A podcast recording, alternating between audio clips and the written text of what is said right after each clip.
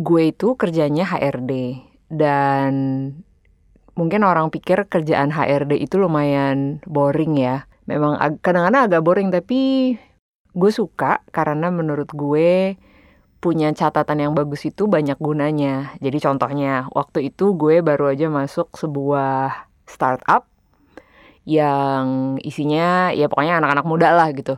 Pada saat itu gue mau uh, mengusulkan untuk mereka punya database karyawan yang lebih rapi. Udah ada sih, tapi gue kayak bisa nggak lebih rapi lagi. Itu kan receh banget ya dan boring kayak nggak seksi gitu lah dibandingin sama sama kerjaan orang-orang lain kayak marketing gitu kan nggak sekeren itu. Tapi ya menurut gue penting aja sih um, punya employee database yang bagus. Pada akhirnya ternyata ada sempat ada gunanya juga. Itu lagi uh, mau tahun baru, terus biasalah terus anak-anak pada pergi party-party gitu. Uh, gue ikutan walaupun gue HRD yang boring tapi gue diajak ikut. Ya pokoknya ngobrol-ngobrol segala macam. Terus di tengah-tengah ada seseorang yang terlalu banyak minum. Bener-bener pass out di tengah-tengah. Pokoknya dia udah setengah sadar dan akhirnya dia kehilangan kesadaran Mulai-mulai kita biarin aja tapi lama-lama dia mau pulang. Maksudnya udah saatnya kita udah mau pulang. Kita mulai bingung anak ini mesti diapain. Uh, dia nggak bawa mobil. Terus karena nggak tahu harus diapain tadinya kita pikir mau kita bawa pulang ke apartemennya teman kita gitu. Tapi terus gue teringat sebentar. Gue kan punya database karyawan ya terus di database itu kan ada alamat rumahnya dia ya jadi sebentar gue cek jadi di tengah-tengah itu kayak waktu itu di klub kecil gitu. Jadi bener-bener di tengah-tengah klub itu gue buka laptop gue buka database karyawan terus uh, gue cek alamatnya terus apakah dia punya alamat tinggal yang beda dengan alamat KTP dan dari situ ketemulah alamat rumahnya dia. Sempet sih ada pusing karena kayak gimana kalau dia masih tinggal sama orang tuanya terus um, oke okay, nggak ngeliat dia. Ya pokoknya gitulah masalah masalah anak Jakarta banget Uh, tapi karena kita nggak punya pilihan lain, jadi setelah kita tahu dia tinggal di mana, terus satu, salah satu teman kita nawarin kayak naik taksi nemenin dia gitu. Jadi pulanglah dia dengan selamat besokannya kita tidak mendengar apa-apa lagi dari dia dan terus dia sudah kembali sadar. Jadi ya sudah. Sesudah kerja di situ, gue sempat mulai capek kerja kantoran. Jadi uh, sesudah gue resign dari situ, gue mulailah agak melanglang buana.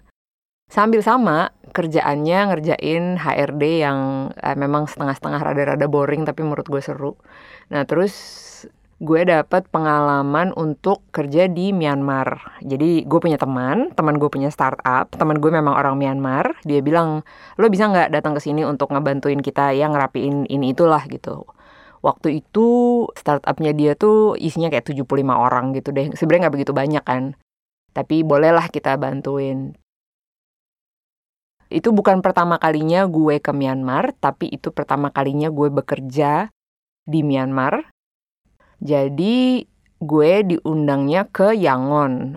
Nah, Yangon itu juga mungkin ada orang yang bilang Yangon itu kayak Jakarta 25 tahun yang lalu atau 15 tahun yang lalu. Mau dibilang terbelakang sih enggak juga.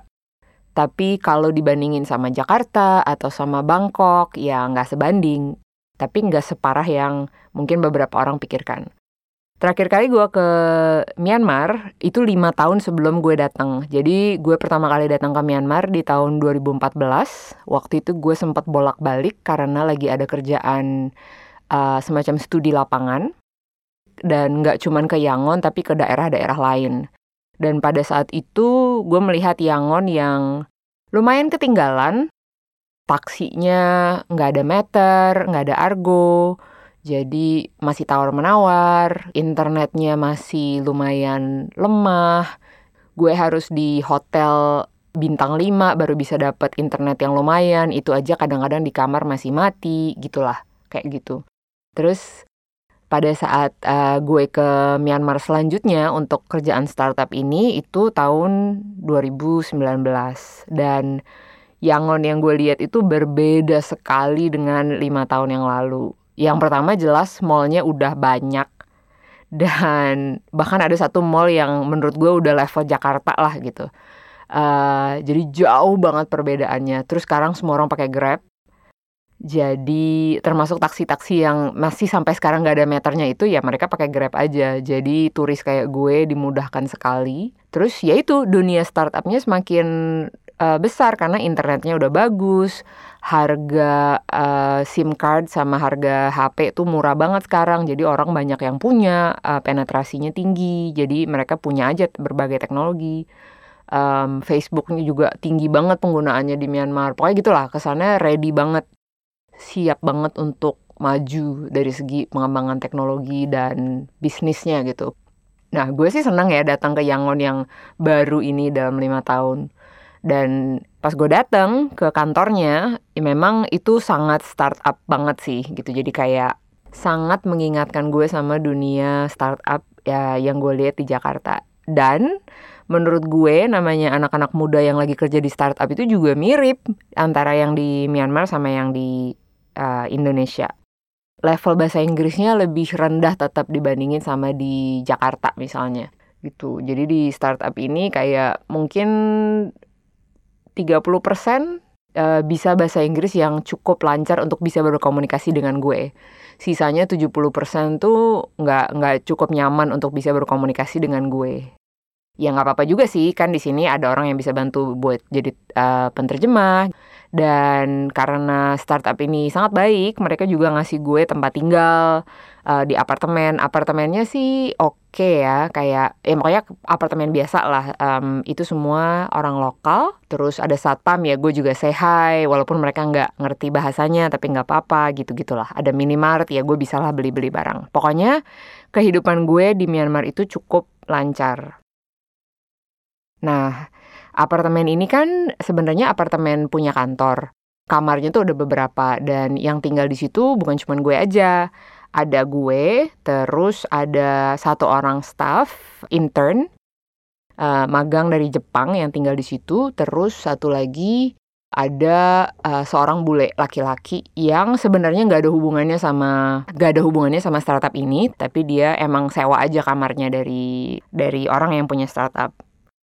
Nah, Waktu itu gue udah tinggal di situ mungkin uh, sebulan setengah, jadi udah 5-6 minggu gitu ya. Terus kebetulan si anak magang yang dari Jepang itu juga udah balik ke negaranya, jadi emang cuma berdua gue sama si cowok bule itu. Gue juga selama ini nggak banyak ngobrol sama dia sih.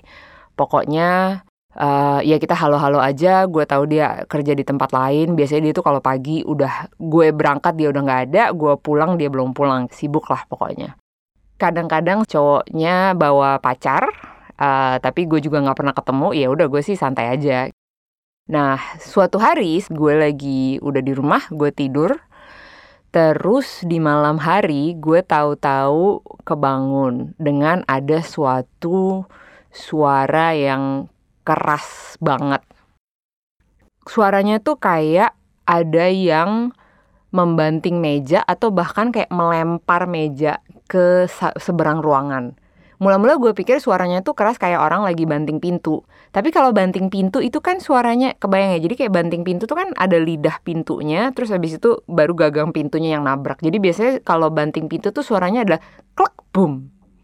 Nah ini suaranya tuh nggak ada klaknya. Jadi ini kayaknya bukan banting pintu, melainkan mungkin malah ada orang yang kayak memukulkan tangannya ke daun pintunya gitu. Karena bunyinya cuma bam.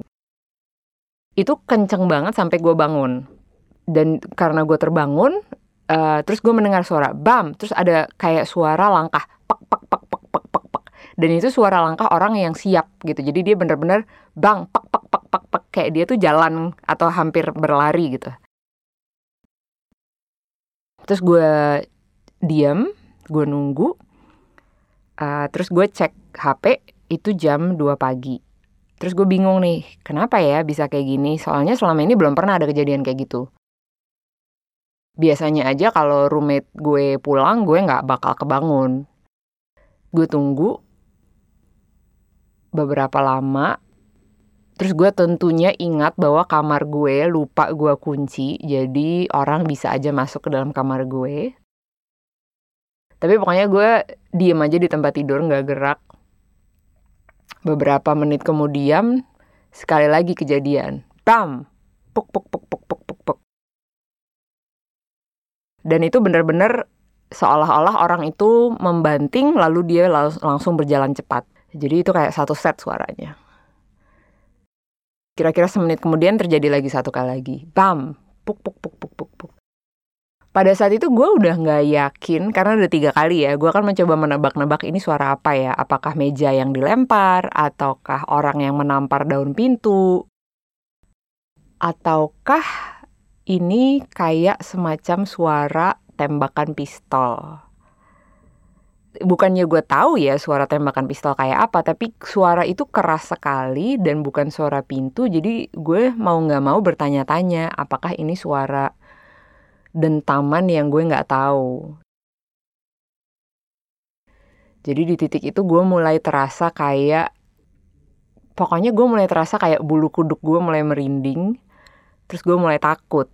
Apa yang harus gue lakukan sekarang? Karena apartemen ini kosong cuman ada gue dan si roommate itu si teman gue yang uh, intern udah nggak ada memang sih sebenarnya uh, teman gue yang punya startup itu dia tinggal di apartemen di gedung sebelah. Jadi dia dekat banget sama gue. Tapi gue nggak enak karena teman gue yang punya startup itu dia udah berkeluarga. Jadi dia punya dia udah bersuami udah punya anak satu anaknya masih kecil. Jadi pasti mereka capek dan mereka juga tinggal sama orang tuanya. Jadi pokoknya satu apartemen mereka tuh rame-rame. Jadi gue agak sungkan. Biasanya kalau gue perlu apa-apa malam-malam atau perlu apa itu gue telepon either karyawan yang gue tahu cukup dekat atau gue telepon kayak asistennya teman gue gitu dia punya asisten tapi itu kan jam 2 pagi ya. Gue nggak enak juga mau hubungin siapa pun. Um, gue kayak mungkin gue lebay atau apalah. Mungkin orang ini emang kayak datang terus ya lagi marah aja gitu, lagi emosi. Terus dia pikir gue nggak akan tahu. Jadi gue tunggu lagi, gue tunggu lagi tuh gue bener-bener kayak tetap diem di meja di tempat tidur gue 30 menit kali. Nggak gerak sambil mengecek jam, dan benar-benar mendengar suara sekecil apa pun apakah ada lagi. Terus sesudah 30 menit, gue kayak oke okay, udah gak ada suara apa-apa, mungkin udah saatnya gue memberanikan diri untuk mengecek keluar. Gue sama sekali gak tahu apa yang ada di luar ruangan ini, kayak apakah ada orang di bawah, atau apakah ada orang yang lagi marah-marah, atau apakah sebaiknya gue gak keluar. Atau mungkin gue tidur aja gitu gue tidur aja lagi sampai besok pagi dan beranggapan gak ada apa pun yang terjadi. Akhirnya tapi gue penasaran jadi gue membuka pintu gue perlahan mencoba untuk tidak membuat suara terus gue buka terus gue intip dan waktu gue intip itu memang gue langsung bisa melihat pintu kamarnya si roommate gue itu yang bule dan gue lihat pintunya tertutup terus gue nggak melihat ada apa-apa yang aneh di antara pintu gua dan pintu dia. Ya udah, jadi gua membuka pintu lagi lebih lebar. Yang selanjutnya gua lihat adalah uh, ruang tamu. Uh, yang terlihat oleh gue di ruang tamu adalah remote AC. Gue berbelok, terus gue melihat remote AC itu ada di lantai. Dan uh, bagian belakangnya yang ada yang buat naruh baterai itu ter, terpisah dari remote-nya, ada jarak gitu. Jadi seolah-olah ada yang membanting remote AC. Tapi kan pernah ya remote AC jatuh. Itu kan suaranya nggak keras-keras banget dan suaranya tuh beda karena itu kan plastik ya. Plastik jatuh itu kan nggak sama dengan suara orang membanting pintu. Jadi gue sama sekali nggak inget mendengar suara remote AC jatuh. Itu yang pertama. Yang kedua, remote AC itu pasti bukan penjelasan dari suara bantingan dan tap tap tap tap tap yang gue dengar itu. Tapi yang jelas remote AC sekarang ada di lantai dalam keadaan terbanting Terus gue mengintip lagi ke arah dapur, di dapur nggak ada apa-apa. Terus di samping dapur adalah pintu masuk. Gue lihat pintu masuk ke apartemen itu dalam keadaan terbuka. Terus gue lihat lagi, gue memberanikan diri melihat keluar pintu apartemen. Jadi di luar pintu apartemen kita sebenarnya ada satu perlindungan lagi kayak teralis yang bisa kita gembok gitu. Jadi kalau kita masuk kita harus buka gembok teralis, kita kunci lagi gemboknya, baru kita buka pintu apartemen, terus kita kunci pintu apartemennya. Jadi pintu apartemennya dalam keadaan tidak terkunci dan terbuka, teralisnya juga dalam keadaan terbuka dan tidak digembok. Gemboknya ada, gue lihat masih bergantung di teralisnya, tapi dalam keadaan terbuka. Dan bahkan nggak tahu ya ini hal kecil ya, tapi kan waktu itu gue udah lama tinggal di situ. Uh, kayak cara kita membuka teralisnya kan juga biasanya kita buka pintu sebelah kiri gitu. Yang ini yang terbuka adalah pintu yang sebelah kanan. Which is aneh banget karena teralis yang sebelah kanan tuh nggak enak buat dibuka. Jadi biasanya kita diajarin bukanya sebelah kiri aja. Pokoknya segala sesuatu mengenai keadaan malam ini tuh menunjukkan keadaan yang tidak biasa gitu. Kayak siapa yang bisa ngebuka pintu nggak dikunci? Pintu apartemen kita sendiri udah gitu buka teralis buka teralisnya juga istilahnya salah gitu. Terus gemboknya masih ada ini juga bukannya gemboknya ada yang ngambil. Jadi gue mau bilang kita dirampok juga nggak mungkin. Walaupun sebenarnya memang di ruang tamu itu nggak ada apa-apa buat dirampok. Ada sih TV tapi TV itu udah lama banget nggak pernah kita pakai begitu gue ngelihat keadaan teralis itu terbuka dan tidak digembok, gue langsung masuk lagi ke dalam kamar. Terus gue kunci kamarnya, terus gue diam tapi akhirnya gue yakin udah nggak ada jalan lain gue harus menelpon seseorang jadi orang pertama yang gue telepon adalah orang yang paling dekat dengan gue dan dia dulu pernah tinggal di apartemen ini. Pada saat itu udah jam 3, jadi gue tunggu teleponnya berdering, berdering, berdering, nggak diangkat. Which is gue juga nggak heran karena ini jam 3 pagi. Terus gue pikir-pikir lagi ya udah gue coba asistennya teman gue. nggak diangkat juga. Akhirnya ya udahlah, udah gue udah nggak tahu lagi harus gimana. Gue memutuskan untuk menelpon teman gue karena toh dia juga gedungnya di sebelah. Dan ini kan teman gue ya, ya udahlah. Jadi gue telepon teman gue itu. Nggak diangkat juga.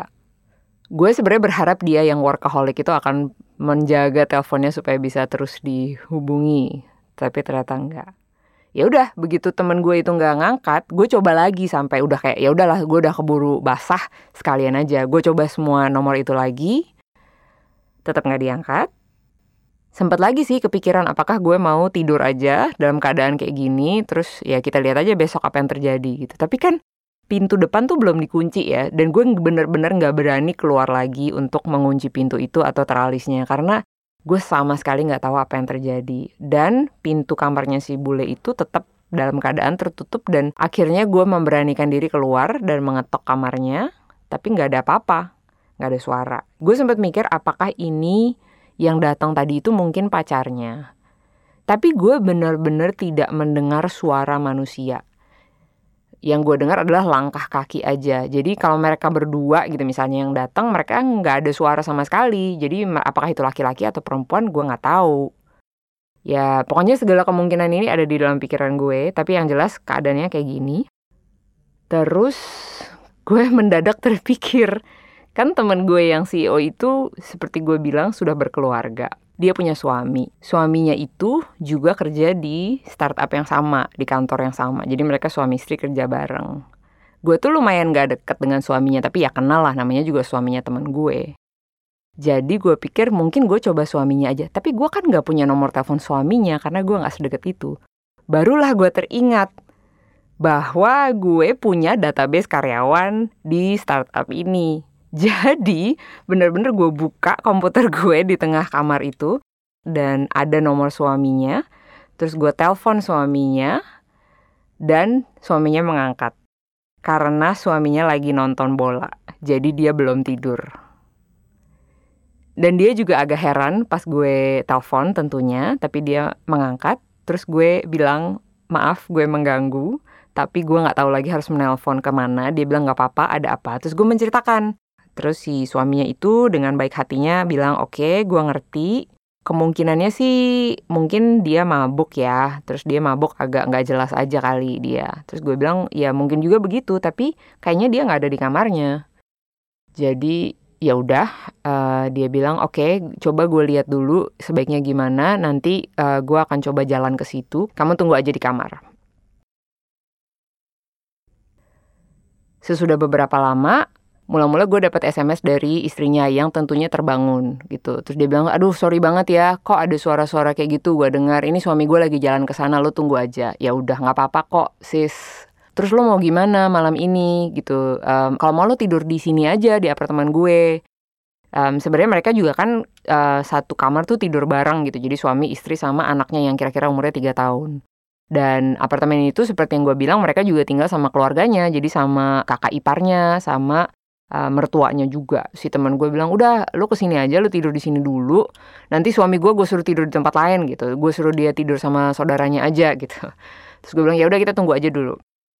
Sesudah berapa lama uh, si suaminya nelpon gue, terus suaminya bilang gue di luar, gue boleh masuk atau enggak? Terus gue bilang ya pintunya kebuka, lu masuk aja. Ya udah, dia masuk, dia mengetok pintu kamar gue, gue buka, terus gue bilang ya seperti lo lihat keadaannya seperti ini. Dan gue tentunya udah jauh lebih tenang ya karena ada seorang laki-laki dewasa, laki-laki dewasa Myanmar yang ada di ruangan ini bersama gue gue jauh lebih tenang, gue mencoba menceritakan situasinya, terus kita mencoba melihat keadaannya apalagi yang kita temukan. Jadi kita lihat lagi ke dalam kamar mandi, kita ketok lagi kamarnya si roommate yang bule itu, nggak ada apa-apa. Kita buka kamarnya si intern yang udah nggak ada, nggak ada apa-apa. Kita lihat dapur, nggak ada apa-apa gitu ya. Pokoknya keadaannya ya sama seperti yang gue lihat kira-kira sejam sebelumnya. Akhirnya ya suaminya nanya, jadi lo mau gimana sekarang gitu kan? Ini udah jam setengah empat or something. Apakah lo mau tinggal di hotel untuk malam ini. Jadi itu tuh uh, hari kerja, besoknya kita kerja. Dan bahkan sebenarnya besoknya tuh gue ada meeting dengan mereka berdua si suami istri itu kayak semacam review gitulah sama mereka.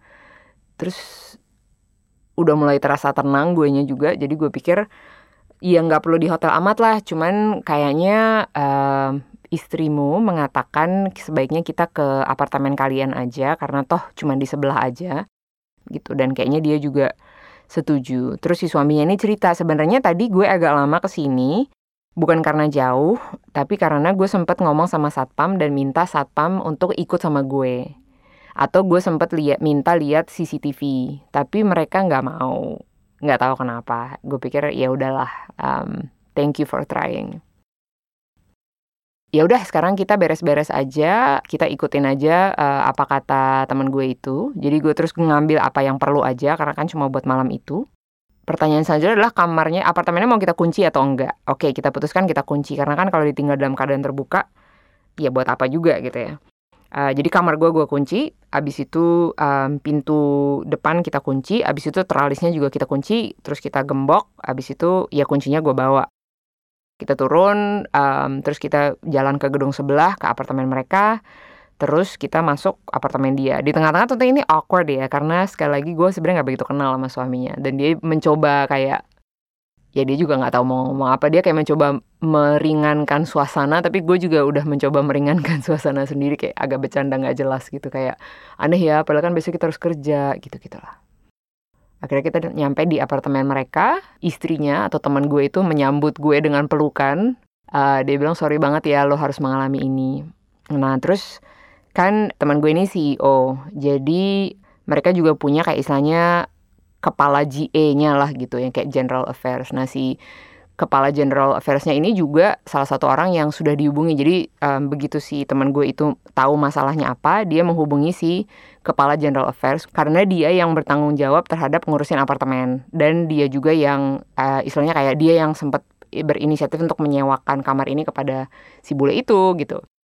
Jadi pokoknya dia harus tahu tentang hal ini. Jadi begitu gue masuk ke dalam apartemen teman gue itu, si kepala JE ini nelfon gue, which is jam 4 pagi gitu. Dia kayak, ya ampun gue baru dengar kenapa ini? Ada apa ini? Bisa diceritakan nggak? Bla bla bla. Terus gue kayak oke okay, tapi gue bisa ceritakan besok tapi sekarang gue udah sampai di apartemennya teman gue jadi semuanya udah aman apartemennya udah gue kunci nanti besok pagi gue ceritain ya sekarang kita tidur aja gitu.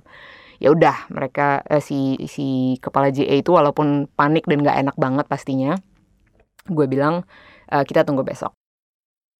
Gue langsung masuk ke kamar teman gue si suami disuruh tidur di kamar lain jadi gue tidur di dalam satu tempat tidur kelambu bersama teman gue yang perempuan itu sama anaknya yang umur 3 tahun which selama ini dia tidur aja. Jadi gue mengambil tempat jadi si anak tiga tahunnya di tengah-tengah uh, di kirinya ibunya di kanannya gue.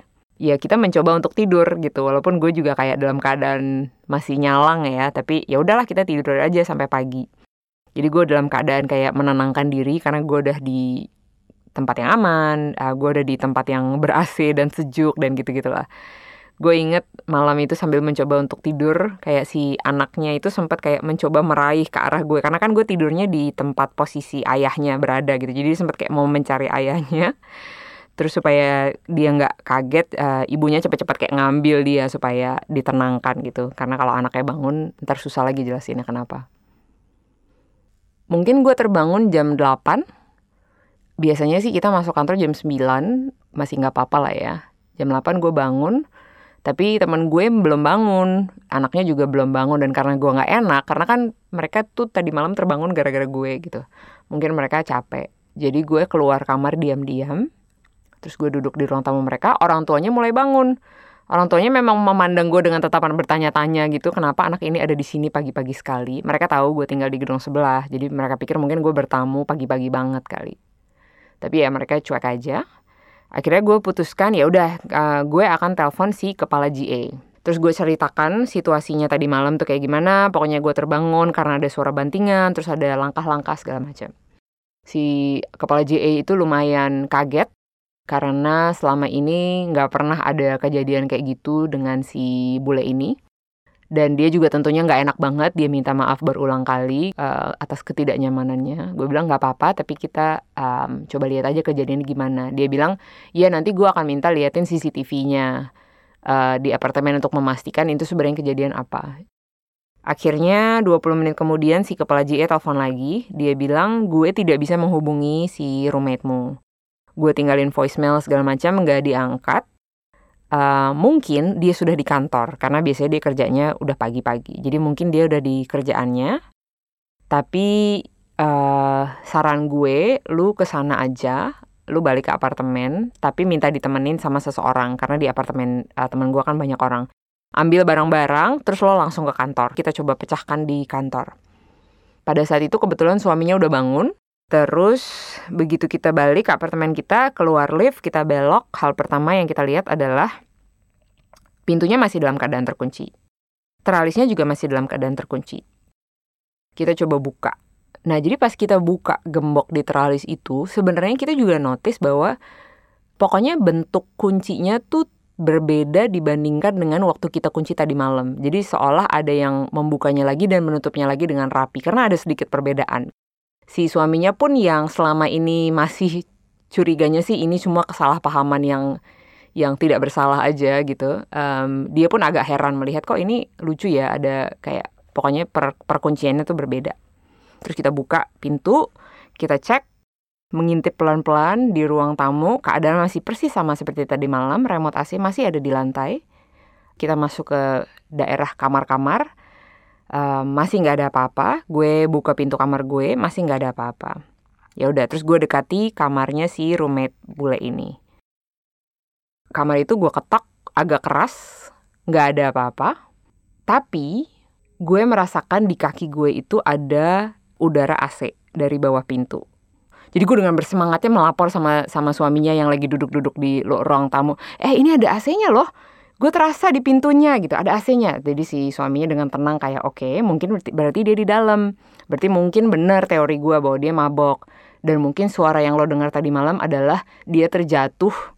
Terus gue mencoba meyakinkan dia bahwa suaranya itu beda banget. Suaranya tuh kayak meja yang dibanting. Atau bahkan di imajinasi gue itu suaranya seperti tembakan pistol. Kayak itu beda banget dengan suara orang yang terjatuh.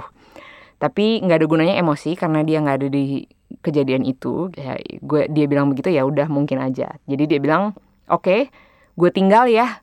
Ya udah kayaknya nggak apa-apa deh. Gue bilang gue akan beres-beres aja terus gue akan cepet-cepet ke kantor. Jadi dia pergi. Terus gue ganti baju terus pas gue lagi sikat gigi gue teringat kayak gue mestinya keramas karena rambutnya udah kotor. Terus gue mau nggak ya keramas? Uh, ya udahlah ya udah terang. Akhirnya gue memutuskan untuk keramas Uh, jadi sempet sempetnya gue keramas uh, jadi kelu gue keluar dengan rambut basah terus gue cepet-cepet siap-siap gue keringin rambut pakai handuk udah rapi udah siap mau keluar terus gue kunci pintu dan keluarlah dia dari kamarnya si roommate itu. Jadi itu pertama kalinya gue melihat dia dalam jangka waktu 18 jam ini dan dia keluar dengan kaos oblong dan celana pendek kelihatan baru bangun kata-kata pertama dia sama gue adalah what happened. Gue kayak seharusnya gue nanya malu sih. Uh, dia bilang emangnya apa yang terjadi? Gue terbangun karena si kepala JA itu nelfon-nelfon gue terus. Terus gue kayak oke, okay, jadi ini yang terjadi. Dan dia terlihat sama sekali kayak nggak tahu apa yang terjadi. Begitu gue bilang pintunya terbuka, dia bilang, hah yang benar, itu pintunya gue yang buka. Terus tralisnya gue bilang dalam keadaan tergembok, dia kaget sendiri, hah jadi gue yang membuka pintu itu, yang membiarkan gemboknya tidak terkunci. Ya kayaknya sih lo ya, karena di apartemen ini cuma ada gue sama lo dan nggak ada orang lain yang punya kunci. Kelihatannya dia bener-bener genuinely kaget. Gue sih percaya dan sejujur gue lega banget begitu gue melihat dia keluar dari kamar. Pokoknya gue tahu manusia ini hidup dalam keadaan normal dan kelihatannya dia heran dan bertanya-tanya. Terus gue ceritain gini-gini, gue sih kira-kira jam 2 pagi dengar suara itu. Dia bilang, aduh gue bahkan gak inget tadi malam gue pulang jam berapa. Jadi emang kayaknya bener dia mabok. Tapi apa yang terjadi sampai bisa suara itu, suara keras itu terdengar, kenapa dia bisa nggak ngunci pintu, pokoknya banyak banget misteri yang masih belum terpecahkan menurut gue ya tapi gue kayak ya udah gue sekarang mau ke kantor lu istirahat aja terserah lo mau ngapain jadi gue tinggal. Pokoknya begitu gue sampai kantor gue tuh udah dalam keadaan udah lega. Udah kayak ya udahlah ini udah aman sekarang situasinya. Gue merasa aman. Begitu gue nyampe kantor gue langsung ketemu sama si kepala GA itu yang sudah menunggu-nunggu kabar. Dia bahkan nggak tahu bahwa si roommate-nya ada di apartemen. Jadi gue bilang oke okay, yang pertama lo harus tahu si roommate itu sudah bangun dan dia ada di dalam apartemen dan dia sama sekali tidak tahu apa yang terjadi. Kepala JE-nya kayak, oke, okay, gue akan minta penjelasan dari dia sespesifik mungkin tentang tadi malam apa yang terjadi. Terus um, gue juga akan cek CCTV karena ini nggak bertanggung jawab banget kalau sampai ada suara hentaman gitu ya. Lo nggak boleh mabok sampai sekeras itu. Dan juga lo nggak boleh lah pintu nggak dikunci. Itu kan berbahaya. Ini kan apartemen milik kantor dan sebagainya dan sebagainya gue bilang ya lu terserah silahkan lakukan hal itu. Kalau bisa ada CCTV gue juga sejujurnya penasaran apa yang terjadi sampai bisa kejadian kayak gitu. Dan tentunya gue penasaran kayak kok bisa tadi malam waktu pergi kita kunci jam 4 pagi tapi pas kita bangun balik lagi jam 8 pagi kuncinya berbeda dengan sebelumnya. Berarti pasti ada yang keluar masuk. Itu juga gue pengen tahu dan kayaknya cuma CCTV yang bisa membuktikannya. Tapi yang jelas gue nggak tahu ya kenapa ya. Gue bilang gue merasa cukup aman untuk tinggal lagi di apartemen itu. Jadi kayak gue sih nggak apa-apa. Karena gue percaya bahwa roommate ini benar-benar nggak tahu apa yang terjadi. Kepala JE-nya bilang, oke, okay, if you're sure, um, if you feel safe, ya udah kita akan lo tinggal di situ aja. Sekarang kita kerja aja ya, gitu. Jadi kita, ya udah, kita meneruskan kerjaan. Terus jam 10 pagi, si suaminya teman gue telepon, dia bilang, eh sorry ya, gue tahu harusnya kita tuh sebenarnya ada meeting jam 10 tapi bisa dimundurin nggak? Terus gue pikir oke okay, mungkin mereka ini bangunnya kesiangan karena akibat ada drama malam-malam jadi sekarang mereka capek. Uh, gue bilang ya udah nggak apa-apa kita meetingnya siang aja jadi pas siang kita meeting, sebenarnya ini kan meeting hal lain ya, tapi karena gue udah duduk bersama dengan si pasangan suami istri ini, yang tentunya pas siang uh, mereka juga nanya gimana, ada perkembangan gak? Ya udah, terus gue ceritain, pokoknya si roommate udah ada, bla bla bla gitu. Terus sekali lagi si suaminya masih bilang, tuh kan bener, kayaknya dia tuh tadi malam mabok dan mungkin suaranya tuh pas dia jatuh aja. Terus gue mencoba kayak nggak mungkin gue tahu bedanya suara jatuh atau enggak, tapi pokoknya itu sudah terjadi. Dan di meeting itu juga temen gue bilang, besok malam, bukan malam ini, besok malam akan ada temen gue, orang Jerman yang akan tinggal di kamarnya si intern. Dia akan tinggal di situ sampai, karena pada saat itu gue sudah mau pulang ke Jakarta. Jadi sampai tanggal kepulangan lo di Jakarta, dia masih akan tinggal di situ. Oke, okay, that's good news actually. Temen gue bilang, tapi dia laki-laki, lo keberatan gak tinggal di, bersama dua laki-laki? Gue bilang, kayaknya gak apa-apa, um, dan gue merasa jauh lebih baik kalau ada orang lain di dalam apartemen itu. Terus kita meeting seperti biasa.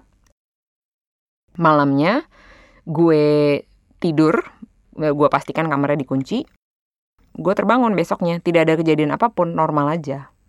Pas gue balik ke kantor juga orang nanya gimana semalam ada apa-apa lagi nggak? Gue bilang nggak ada, normal aja. Dan dia bilang ya udah malam ini ntar si teman gue yang dari Jerman itu dia datang ya, uh, tolong ditunjuk-tunjukin aja caranya. Gue bilang sure, tapi gue nggak usah ceritain kejadian ini ya nyampe lah si teman Jermannya itu malamnya. Dia sempat ketemu dengan si roommate itu karena kebetulan gue lagi ngobrol sama si orang Jerman terus si roommate-nya pulang. Dengan muka masih agak bersalah ngeliat gue tapi si gue kenalin sama si teman Jerman ini dan ya udah mereka ngobrol-ngobrol basa-basi biasa. Gue juga ya udahlah kita biarkan saja. Dan waktu itu kalau nggak salah tinggal dua hari lagi. Uh, abis itu gue harusnya pulang gitu. Jadi dua hari ke depan itu keadaan berjalan persis seperti normal. Gue juga ya udah nggak usah diungkit-ungkit lagi Remote AC-nya gue ambil dan gue benerin karena baterainya nggak ada. Sampai sekarang gue nggak tahu itu baterai remote AC hilang ke mana. Gue inget banget sih orang Jermannya nanya, eh gimana caranya gue mau nyalain AC di ruang tamu? Terus gue baru teringat, oh iya remote AC-nya masih yang rusak bekas kemarin. Ya udah nggak apa-apa. Abis itu dua hari kemudian gue packing terus gue pulang. Jadi sampai gue pulang itu gue masih nggak tahu apa yang terjadi sebenarnya. Eh, yang katanya mau cek CCTV itu nggak pernah dapat kabar lagi. Jadi mungkin nggak tahu apa nggak dapat hasilnya atau gimana. Pokoknya gue sama sekali nggak tahu. Uh, kira-kira dua minggu sesudah gue balik ke Jakarta, mulai ada percakapan apakah gue mau balik ke Yangon untuk menyelesaikan proyek ini. Terus gue bilang sebenarnya gue pengen banget sih karena gue suka banget sama Yangon dengan perkembangannya dan segala macam gue suka banget. Dan menurut gue ini lucu. Mungkin gue agak deg-degan balik ke apartemen itu lagi tapi gue pengen. Lalu mereka bilang oh si roommate itu udah nggak ada. Dia udah pergi. Ya udah kalau gitu gue akan balik aja. Kita mau mulai hidup baru di apartemen ini. Selama Ramadan gue di Jakarta terus sesudah Lebaran persis kayak uh, beberapa hari sesudah Lebaran gue balik ke Yangon Pas gue balik ke Yangon baru gue tahu bahwa sekarang kita tidak lagi tinggal di apartemen itu. Apartemen itu sudah dilepas. Alasan apa gue nggak tahu. Tapi yang jelas gue sekarang tinggalnya di jadi teman gue itu pindah dari apartemen ke rumah. Jadi rumah mereka selama ini direnovasi, makanya mereka tinggal di apartemen. Sekarang mereka punya rumah yang lumayan besar karena meng mengakomodir seluruh keluarga mereka. Terus ada kamar ekstra, ya gue tinggal di situ. Jadi gue nyampe, tahu-tahu gue dibawa ke rumahnya temen gue. Dia bilang lo sekarang tinggal di sini. Terus gue tanya apartemennya kenapa? Oh apartemennya itu sekarang udah nggak dipakai lagi. Gue udah menunggu-nunggu untuk bisa balik lagi ke apartemen itu untuk melihat kembali memori di situ. Tapi mendadak gue tidak bisa lagi balik ke apartemen itu selamanya. Yang gue punya cuma cerita ini sama database karyawan